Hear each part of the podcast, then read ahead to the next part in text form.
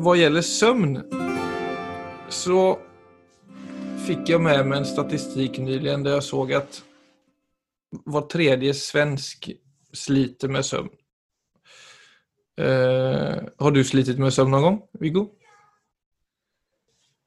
Nei, Jeg kan ikke si at jeg har slitt med søvn, men jeg har alltid hatt uh, Jeg har aldri hatt lett for å sove.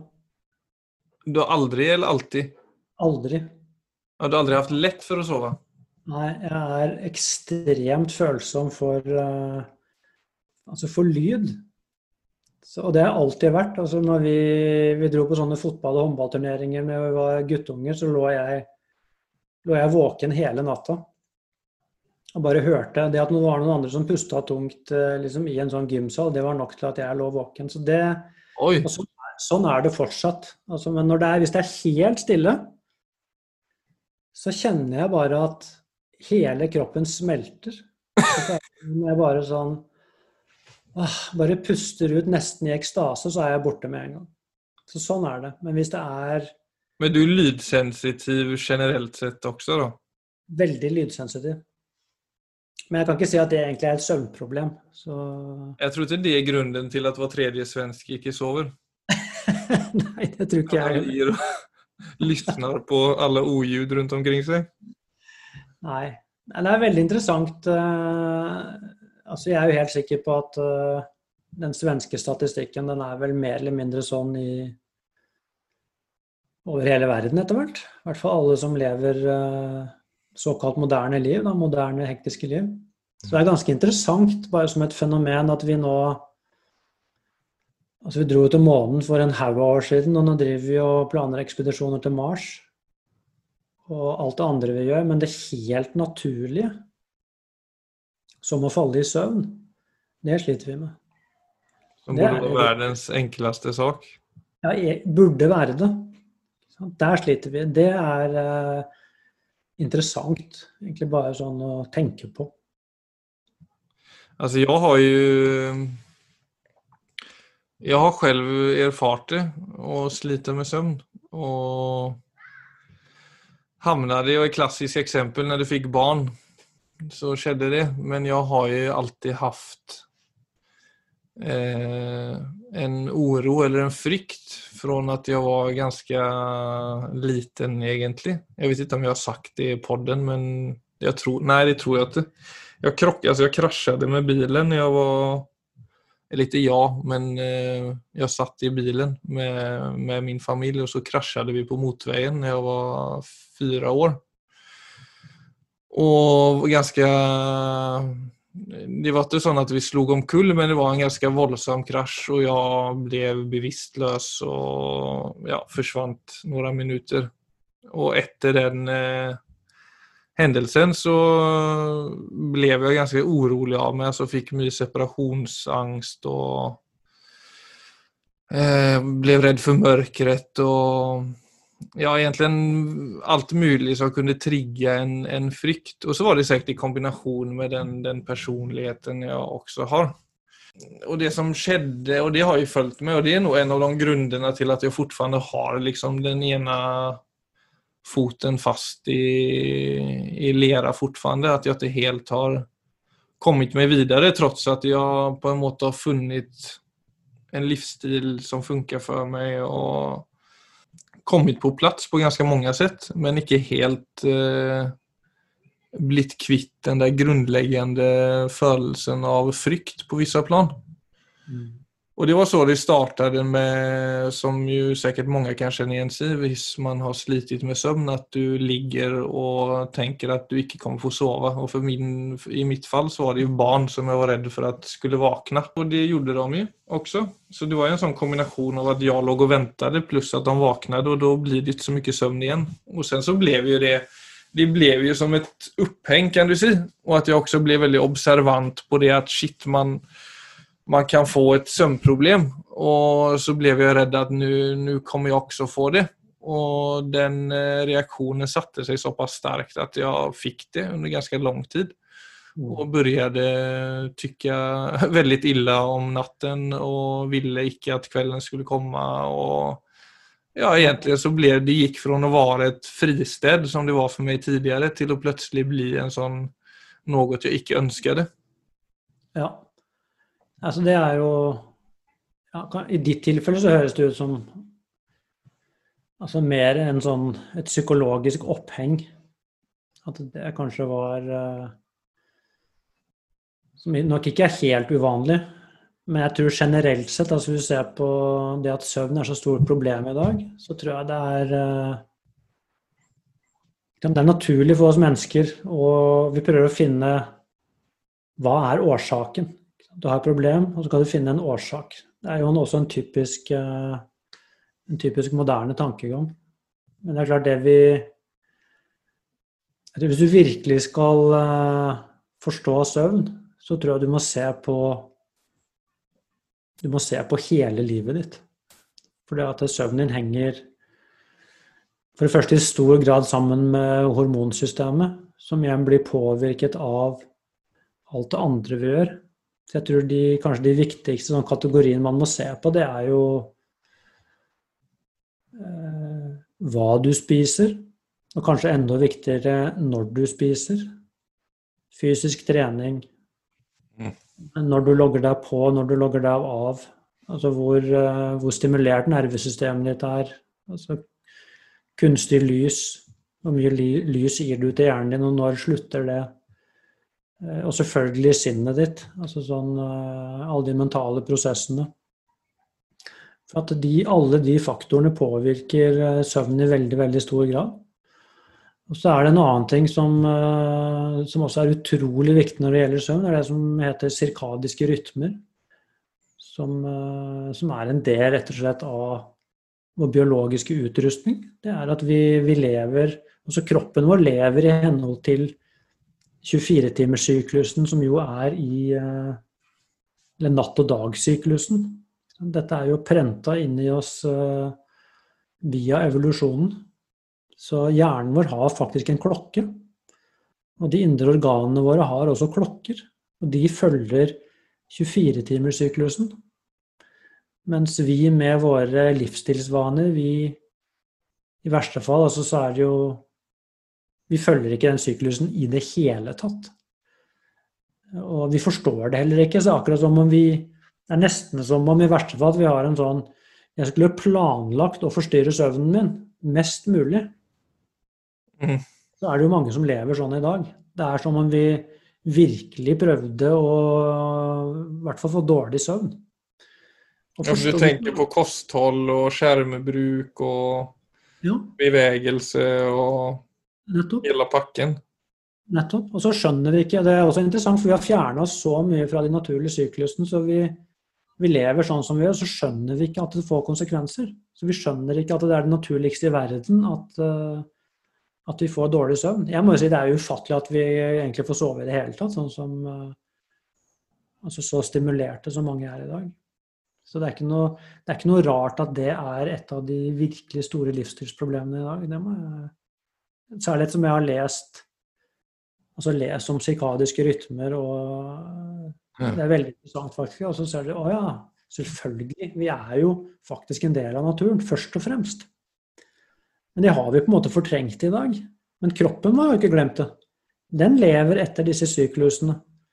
Mm. Men sinnet mitt og hele narrativet mitt og forventningene mine, det er så fjernt fra det som egentlig er naturlig. Så da blir det jo det blir en veldig stor konflikt. Og det manifesterer seg bl.a. i søvnløshet og mange andre ting, selvfølgelig. Altså uro, Tankekjør. Också det med søvn, at du, så som det er så mye i livet som du kan kontrollere og som du kan bestemme. Men jeg merket det så som, det stemmer jo det med at for min del så var det et psykologisk oppheng mer enn et livsstilsproblem. Mm. Eh, men det å ha et søvnproblem, altså rent sånn psykologisk, så er det også sånn at man, man forsøker nesten i starten å tvinge seg selv til å sovne. Altså man gjør alt for å liksom få så som man er van ved å gjøre i, når man går rundt og lever et liv. Ja, det er jo det klassiske Kontrollere søvnen. Men søvnen på en måte har det totale motsatsen der. Altså, Hvis det er et psykologisk oppheng, så er det det enda du faktisk kan gjøre. det är ju att till slut av att ge slipp på tankarna eller ge slipp på den motstånden man skapar med att lägga på en oro på att man inte får somna, lägga på en tanke på att man inte får somna. Men visst du, så som för min del, det som gjorde att det etter hvert gikk litt over for meg, det var jo det at jeg på en måte stolte på att, som vi var litt inne på, at det er det absolutt mest naturlige for kroppen. Det er Mm. å falle til søvn. Altså den kraften, den er ganske den kommer ganske godt inn. Du, det skal egentlig ganske mye motstand til for at du ikke skal falle til søvn. Og det gjorde jeg egentlig en helt sjukt mye motstand, for at jeg var så orolig for at jeg ikke skulle sovne. Ja. Det er jo klassisk, det du beskriver, det er jo veldig klassisk sånn hvor løsningen Altså løsningen blir problemet. At vi, vi ser ikke at løsningen er å, å slippe. Liksom bare å slippe taket. Det er, eh, det er noe med det som er vanskelig for oss. å se det. Hvis jeg bare slipper taket, hvis ikke jeg gjør noe i det hele tatt, så ordner ting seg selv. Så Vi er så vant til at vi har et problem, så må jeg finne en løsning. Ja, og det gjelder ju inte bare søvnen. Alltså i alle fall i min erfaring så har det også vært med tanker og følelser. Altså, de gangene jeg har kjent at shit, nå er jeg skikkelig fast i den følelsen eller tanken. Nå kommer jeg kommer å komme ut av ur detta. Men en eller annen gang så har på en måte sinnet bestemt seg for å fokusere på noe helt annet, eller en følelse har overgått til noe annet. Og, og det er jo jo bedre man blir på å slippe taget, ju naturligare och ju mjukare blir den processen. Men ju mer frykt och ju mer oro man tillägger det att en tanke ikke försvinner eller en känsla ikke försvinner, ju längre blir de där. Men det hör ju inte till varken tanken eller känslan natur att sätta sig fast så lenge ikke vi insisterer på at det skal sitte fast. Nei, det, er, det blir akkurat det samme. Det blir jo den eh, Det handler jo om en Kanskje først og fremst en forståelse. Og i det øyeblikket du har den forståelsen, så kommer det en form for Altså for tillit inn i vesenet ditt. Jeg tror problemet her for, eh, for mange av oss, det er at eh, vi behandler tankene og følelsene våre som om de var ting. Som om de var fysiske ting, eller fysiske problemer. Det samme med et søvnproblem. Vi behandler det ofte som om det var noe vi kan håndtere. Vi er så vant til at alt kan, alt kan fikses. Hvis du ser på det som er problemet egentlig med tanker og følelser, det er jo, de er jo ikke ting. Jeg får ikke holdt dem fast. Jeg kan ikke pakke dem sammen øh, og legge dem i en skuff. Jeg kan ikke finne fram en kniv og dissekere dem. Så de følger en annen lovmessighet. Og, og det er vel en oppdagelse som er veldig frigjørende, når du ser det at tanker og følelser følger faktisk den loven om at hvis du gir dem oppmerksomhet, så vokser de. Ja. Hvis jeg prøver å Hvis jeg tror jeg må finne en løsning på dem, så blir de bare værende. Mens det øyeblikket jeg bare møter dem med et skuldertrekk og sier ja, du får være der så lenge du vil, altså jeg, men jeg tusler med mine ting jeg, så lenge. Ja, så er det voff, så er de borte. Og det er faktisk en lov.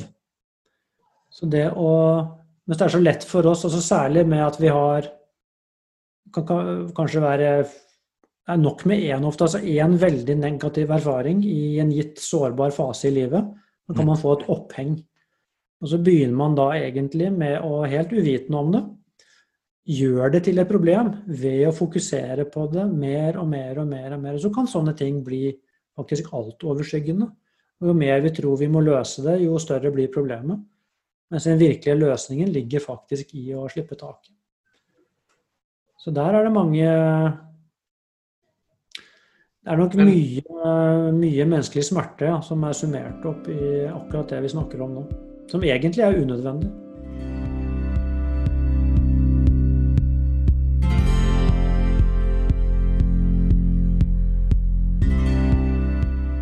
Spurte meg i stad om jeg hadde hatt søvnproblemer noen gang, og det sa jeg at jeg vel egentlig ikke hadde.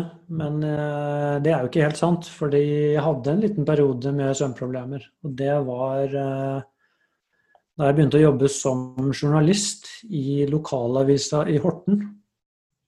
Ja, det har aldri jeg hørt om, så dette er spennende. Ja, og det var Altså at du ens har vært journalist, det hadde du ingen aning om.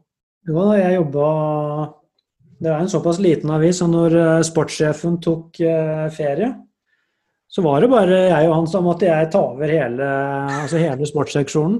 Jeg måtte gjøre alt. Det var jo en utrolig bratt læringskurve. Ja, det skjønner jeg.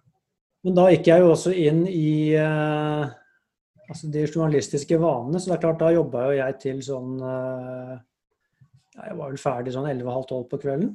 Som sendte inn de siste tingene til trykkerier, som det var den gangen. Og satt jo og drakk kaffe hele tida. Fra, fra jeg kom på jobb klokka seks og til midnatt, så jeg drakk vel sikkert en 20 kopper kaffe, tenker jeg. På riktig?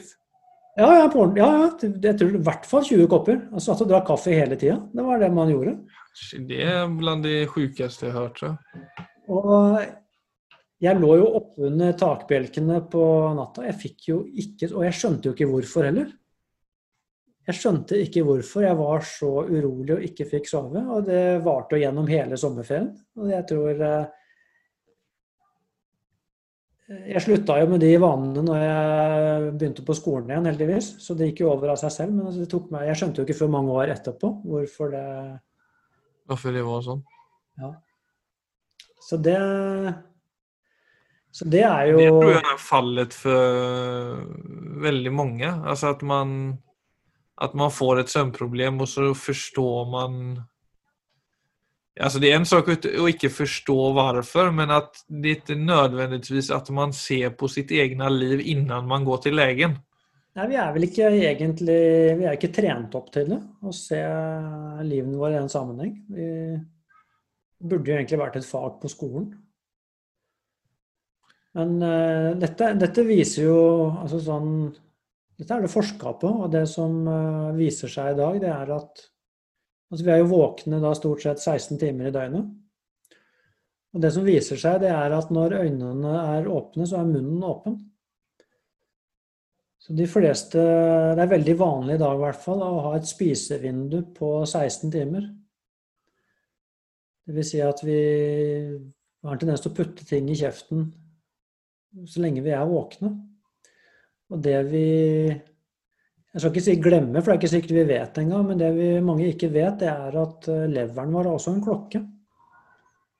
Så når mm. du putter noe i munnen, så forteller du leveren at den skal være våken. Så den er jo en kjemisk fabrikk. Så når jeg putter noe i munnen, så starter jeg den kjemiske fabrikken. Så bare det å De fleste i dag vet jo at det er ikke så smart å Glem 20 kopper kaffe. Det er ikke smart å drikke kaffe på kvelden i det hele tatt. At, uh, langtidseffekten av koffein i kroppen er, faktisk, den er, veldig veldig lang, så man skal jo helst ikke drikke, drikke kaffe på ettermiddagen i det hele tatt, for det har faktisk en effekt. Men også det å spise. Så, så hvis man har søvnproblemer, så er det et veldig fint sted å begynne. Altså la magen få hvile. I hvert fall tre timer innen du legger deg. Og det burde egentlig da være alt bortsett fra hvis, hvis, du virkelig har lyst til å prøve det ut, så burde det være alt annet enn vann eller urtete. Det som var veldig komisk når jeg slet med søvn, på tale om det, var at når jeg ble stresset over at jeg ikke skulle sovne, så trigget det en veldig kraftig sultfølelse. ja. så ja. Den, den var ikke så lett å Alltså för då, det, det som slog meg då var at jeg må spise som bare den for å få sovne. Ja. Det er veldig vanlig. Og det er mange som tenker at jeg sover mye bedre på et par glass vin. Det er, sånne, det er bare tull. Det er uh, Så alkohol, f.eks. Det kan godt hende det at du får At du faller lettere i søvn. Det kan hende. Men du vil ha mye dårligere søvn. Mm. Mye dårligere kvalitet på søvnen. Mye høyere puls gjennom natta. Så du får mye mindre restitusjon, selv om du kanskje syns du har sovet. Så, det er en del kunnskap om søvn som kan være ganske viktig å, å tilegne seg hvis man, eh, hvis man, sliter med søvnen. Så mat og drikke er én ting, fysisk trening er en annen ting. Altså det er uh, utrolig viktig med regelmessig fysisk trening. Skjerm er jo også høyst aktuelt, så klart. Og det er jo, i dag er det jo, det vet jeg ganske skråsikkert at det er vanlig i dag å ha telefonen på nattduksbordet. Ja. Og spesielt, spesielt uh, ungdommer som har vokst opp med telefon. Altså veldig tett innpå fra tidlig alder. Så er det, og det er også vanlig at folk vaknar på natten og sjekker telefonen, og sen legger den bort for å igen. igjen. Det er jo sikkert mange som kan gjøre sånt, og så er det helt greit. Men jeg tenker de som sliter med søvn, burde jo i hvert fall lage noen interne regler på sånne ting. Jo, men det er, som, det, det er fortfarande det, hvis du på en måte starter ut med det, så er det på en måte mønster som kan sette spår senere i livet. For det er litt sånn, tuller vi med skjerm, tuller vi med søvn, tuller vi med hva vi spiser, så kan man jo også sette opp det eh, Alltså det er en tidsfråga tills vi kanskje hamnar der at vi plutselig kjenner at nå er det noe som ikke stemmer, nå får jeg ikke sove. Absolutt. Så det er noe med å ja, som jeg ser det, at det er forebyggende å bli klar over det så tidlig som mulig, så klart. Ja, klart det. Husk på det her, altså, De indre organene har en klokke. altså Som jeg sa, leveren har en klokke, og den skrur vi av og på altså ved å spise og drikke. Hjernen har en klokke. Den skrus av og på ved lys. Så det å Altså hvis du, hadde, hvis du sliter med søvn og så går du ut og flytter ut i skogen en måned, så vil du se det at du vil få god søvn veldig veldig fort bare ved at du Med mindre du ikke tar med deg skjerm ut i skogen. da. Men hvis du bare hadde blitt eksponert for de naturlige syklusene i naturen, så vil du se det at søvn vil komme på plass veldig, veldig fort. Så kunstig lys er selvfølgelig ja, en en stor ting for, eh, for den innebygde klokka i hjernen. Ja. Og en, eh, en annen ting som er veldig relevant for søvn, som jo jeg tror ikke vi er så vant til å tenke på, det er pusten vår. Det er kvaliteten på pusten. Så det å Veldig mange slutter jo å puste med altså det som kalles magepust. Det er det veldig mange som slutter med ganske tidlig. Mhm. Det blir en brystpuster. Det er det jo veldig mange som er i dag. Puster stort sett bare overfladisk og med brystet. Eh, Og i verste fall da begynne å puste med munnen. Altså slutte å puste med nesa. Altså det, Så pusten påvirker jo hele nervesystemet. Og den dype magepusten den påvirker eh, Stimulerer vagusnerven, som igjen påvirker det parasympatiske nervesystemet, som handler om hvile og fordøyelse. Så måten du puster på, det har direkte innvirkning på både på energinivået ditt, men også på søvnen din. Mm. Så det er så rett og slett det å ta et eh, Jeg ville faktisk si et pustekurs. Altså det å, å finne tilbake til sånn som du pustet da du var barn. For det skal ikke så mye til, og selv om vi har Det er som alle andre uvaner. Det, alt kan gjenopprettes. Så det å venne seg til en sunn pust igjen, det er noe man kan gjøre på egentlig med en måneds, en måneds uh, trening. Så kan man endre altså den uh, naturlige pusterytmen, altså hvordan du puster på automatikk. Så systemet vårt responderer veldig, veldig fort på, på den type input. Så den søker egentlig hele tiden å gjenopprette balanse. Ja, for vi puster vel dårlig så fort vi kjenner oss egentlig minst, eller i hvert fall annerledes, så fort vi kjenner oss minste lilla stressede eller engstelige eller urolige. Som gjør det veldig vanlig å gå litt sånn Altså moderne mennesker går jo nesten litt sånn default på å være overaktive. Hva gjelder stress og hvor ofte vi bruker skjerm og hvor sjelden vi egentlig er i hvile under en dag. Ja, det er eh, Altså, det er jo blitt normalt å leve ganske hektisk, og det går selvfølgelig Så de fleste stresser jo litt mer enn det som er sunt. Og det påvirker selvfølgelig da baselinen baseline på pusten din. Men det som er interessant, altså hvis pusten din først har kommet ut av lage, så vil jo så pusten din den påvirker også humøret. Så ved overfladisk pust, hvis du blir vant til en overfladisk pust, så forteller du med selve pusten din, så forteller du hjernen at du er i fare. Så det er mange som går med konstant stress pga. at de puster feil, og ikke motsatt. Det er ganske interessant. Så det, og den type ting er jo noe som er lett å, lett å fikse. De tingene er ganske lett å regulere igjen. Det handler bare om uh, kunnskap. At noen forteller deg hva du skal gjøre, og hva du, skal, hva du ikke skal gjøre. Det er ikke noe hokus pokus. Ja, jag känner, jag har ju haft det i år höll jag på att säga, men snart orkar jag inte säga jag har haft det i år. Jag har så många, haft, så många, haft så många grejer så Men livet bjuder ju på en, eh, en del problem och det är ju kanske också det som ofta utvecklar oss. Så jag får jag tar den rollen i denna podden. Men hvis du har eh, Eh, det der med pusten, altså, for det er, jo, er det noe konkret vi kan si om det? For å ikke Ja, altså, det er jo lurt å lære seg å puste på en god måte. Men eh, de gangene jeg har lagt merke til min pust, så mm. blir jeg også veldig selvbevisst. Og da kan jeg nesten bli litt sånn usikker på hva som er en naturlig pust. Det vet jeg også når jeg mediterte. Mm. Så når, jeg ble veldig, når du blir veldig fokusert på din pust, så er det også nesten en känsla som at du börjar kontrollere den. Ja. Og så vet du ikke helt når du kontrollerer den og når du ikke kontrollerer den. Og når du ikke tenker på pusten i, i, til vanlig, så er det veldig vanskelig å vite hvordan du puster. Absolutt. Men altså, da snakker vi om eh, da snakker vi om meditasjon.